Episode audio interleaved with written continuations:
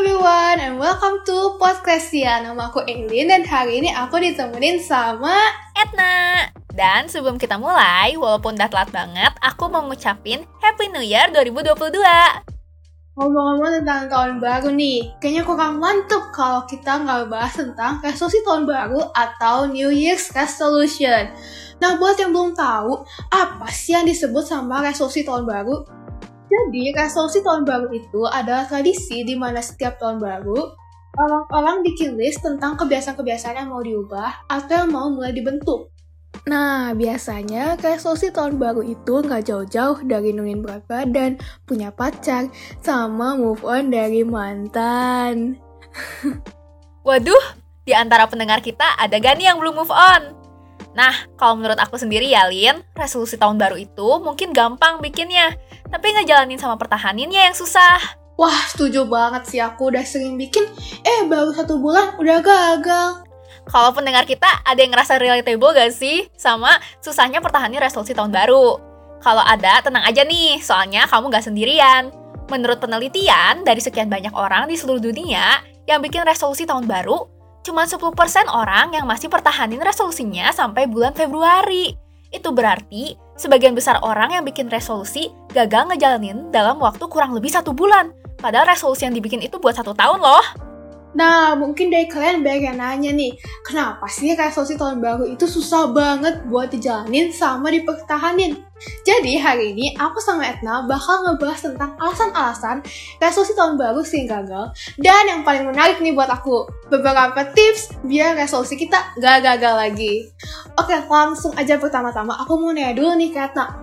Menurut kamu, kenapa kebanyakan orang gagal mempertahankan resolusinya? Hmm, kalau dari pengalaman aku sendiri ya, kadang-kadang resolusi yang aku bikin itu kurang spesifik. Misalnya, resolusi tahun baru itu pengen nurunin berat badan.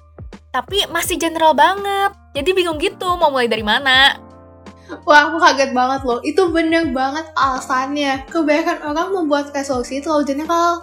Jadi, kalau ada yang ngalamin hal sama kayak Etna, aku punya solusinya nih. Coba kita break dulu resolusinya, jadi langkah-langkah atau habit-habit yang lebih simple. Jadi resolusi tahun baru yang kita ubah dari pengen nurunin berat badan, jadi misalnya olahraga seminggu tiga kali, makan junk food maksimal satu minggu sekali. Bisa juga kayak minum air putih 8 gelas sehari ya. Nah, bener banget. Gantian, gantian. Aku yang nanya nih. Kalau menurut Aileen sendiri, kenapa resolusi tahun baru sering gagal? Wah, menurut aku sendiri ya. Hmm, Seringkali resolusi yang kita bikin terlalu berlebihan atau kita set resolusi kita terlalu tinggi. Makanya pas kita mau coba ngejalanin, jadinya berat banget. Nah kalau udah ngerasa berat, biasanya kita bakal nyerah ngelakuinnya. Jadi resolusinya gagal lagi deh. Wah, iya juga. Jadi pelajarannya, coba kenalin diri sendiri ya. Dan bikin resolusi yang kitanya sendiri sanggup buat ngejalanin. Nah iya, setuju. Ditambah lagi yang ngejalan resolusinya juga kan kita, bukan orang lain. Jadi tadi kita udah tahu alasan-alasan kenapa resolusi tahun baru sering gagal. Sekarang lanjut nih ke pertanyaan berikutnya. Gimana sih caranya buat bisa pertahanin resolusi tahun baru? Oke, aku bakal share 3 tips yang mungkin bisa bantu kita buat pertahanin resolusi tahun baru sampai akhir tahun. Pertama, kita harus ingat kalau yang ngejalaninnya itu diri kita sendiri dan kebutuhan atau goal kita mungkin beda sama orang lain. Jangan bikin resolusi yang kamu sendiri nggak tahu cara jalaninnya. Kenalin diri kamu sendiri, kebutuhan kamu, goals kamu, dan kemampuan kamu.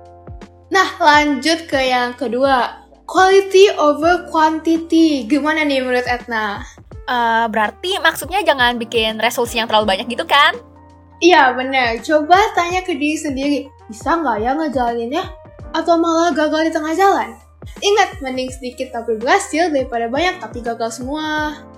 Terakhir, jangan lupa buat ngasih self-reward untuk diri sendiri, biar kita juga semakin bersemangat untuk mencapai resolusi tahun baru ini. Nah, nggak kerasa udah mau beres aja nih. Terakhir aku mau bilang semangat buat kalian yang baru mulai bikin resolusi, ataupun buat yang udah atau yang lagi ngejalanin. Ingat, usaha nggak akan pernah mengkhianati hasil. Segitu aja buat episode hari ini. Thank you and see you in the next episode. Bye. Bye.